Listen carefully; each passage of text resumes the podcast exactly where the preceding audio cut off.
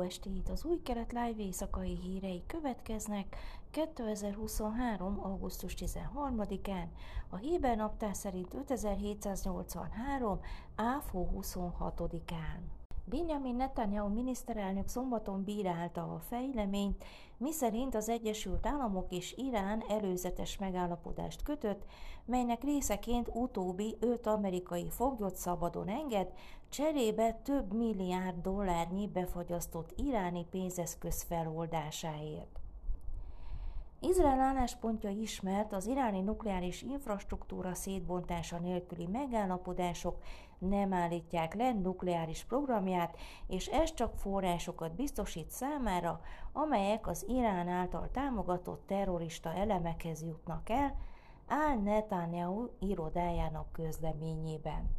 Az amerikai és iráni tisztviselők több hónapos közvetett tárgyalása után jött létre a csütörtökön bejelentett megállapodás az amerikai fogvatartottak börtönből házi őrizetbe helyezése mellett. A pénzátutalás részletei a teljesítésének időpontja és az amerikai és iráni foglyok végső szabadon bocsátása továbbra is tisztázatlan. Az amerikai és iráni tisztviselők azonban azt mondják, úgy vélik, hogy a megállapodás szeptember közepére, végére megszülethet.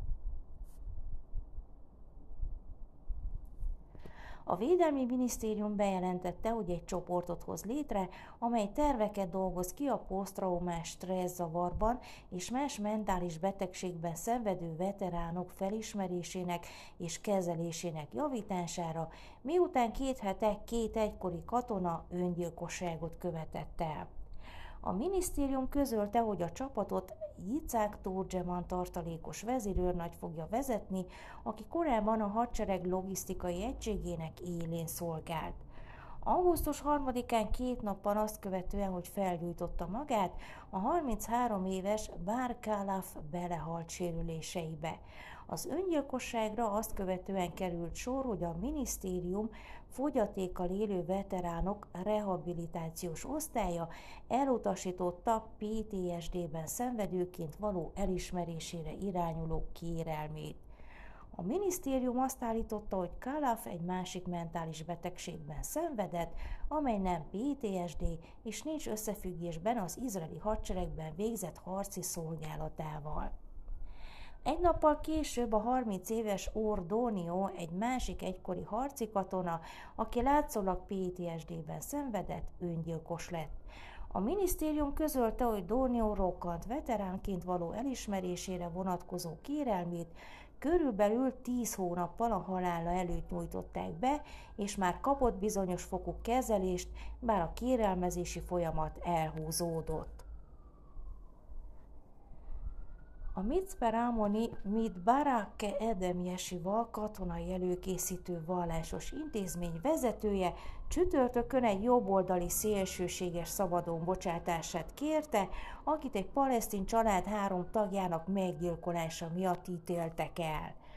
Amiran Ben Ulielt három életfogytiglani és 20 év börtönbüntetésre ítélték a Júdea és Szamáriai Duma faluban történt halálos molotov koktélos támadásért, amely során Riham és Saad Davapsa, valami 18 hónapos fiúk, Ali Saad 2015-ben halára égett. Csak a pár legidősebb fia, az akkor öt éves Ahmed élte túl a támadást, súlyos égési sérülésekkel.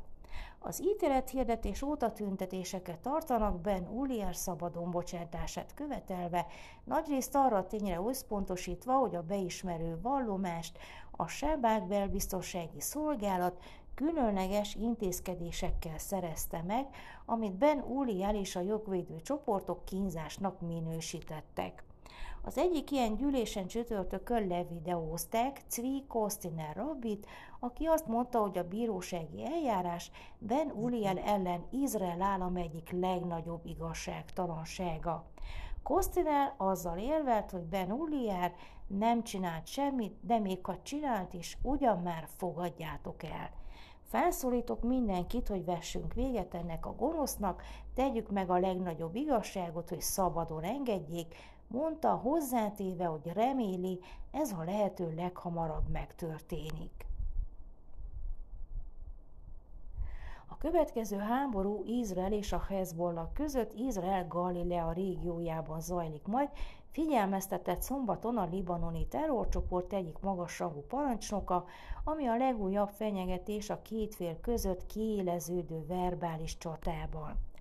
A csatánk Galileában lesz, és ha az ellenség és tankjai behatolnak Libanonba, nem tudják majd elhagyni, mondta a parancsnok a Hezbollahhoz köthető Al-Manar TV hálózatnak adott interjújában, amely Hajj dzsihádként azonosította, de elhomályosította az arcát. A fenyegetés négy nappal azután történt, hogy Joáv Gálánt védelmi miniszter látogatást tett a libanoni határnál, és figyelmeztette az Irán által támogatott Hezbollah vezetőjét, Hassan Nasrallahot, hogy ne kövessen el hibát. Ha az eszkaláció vagy konfliktus alakul ki itt, akkor Libanont vissza fogjuk taszítani a kőkorszakba, mondta Gálánt. Rami Lévi Hasikma marketing cége előre haladó tárgyalásokat folytat az orosz Yandex taxiküldő és kézbesítő szolgáltatás a Yango megvásárlásáról, közölte a Globes gazdasági hírportál.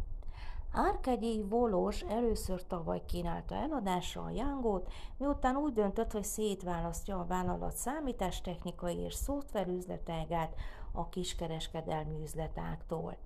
Eddig többen is érdeklődtek az akvizíció iránt, köztük a Japanika étteremlánc és a Beitar Jeruzsálem fotballklub tulajdonosa Barack Abramov, de a Globe szerint a Rámi Levivel jelenleg folytatott tárgyalások tűnnek a legígéretesebbnek.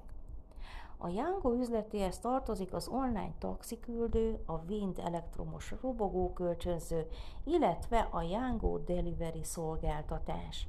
Az akvizíció értéke több száz millió sékel körül mozog, ebből csak a taxiküldő szolgáltatást a becslések szerint 200-250 millió sékelre becsülik. Amennyiben az üzlet létrejön, a Rámi Lévi tovább bővítheti a nevét viselő áruházláncot, illetve az Izrael légitársaságot is magában foglaló üzleti birodalmát. Időjárás. Hétfőn felhős idő várható, Jeruzsálemben 37, Hajfán 31, Ejláton 43, míg Ásdodban és Tel Avivban 32 fokra lehet számítani.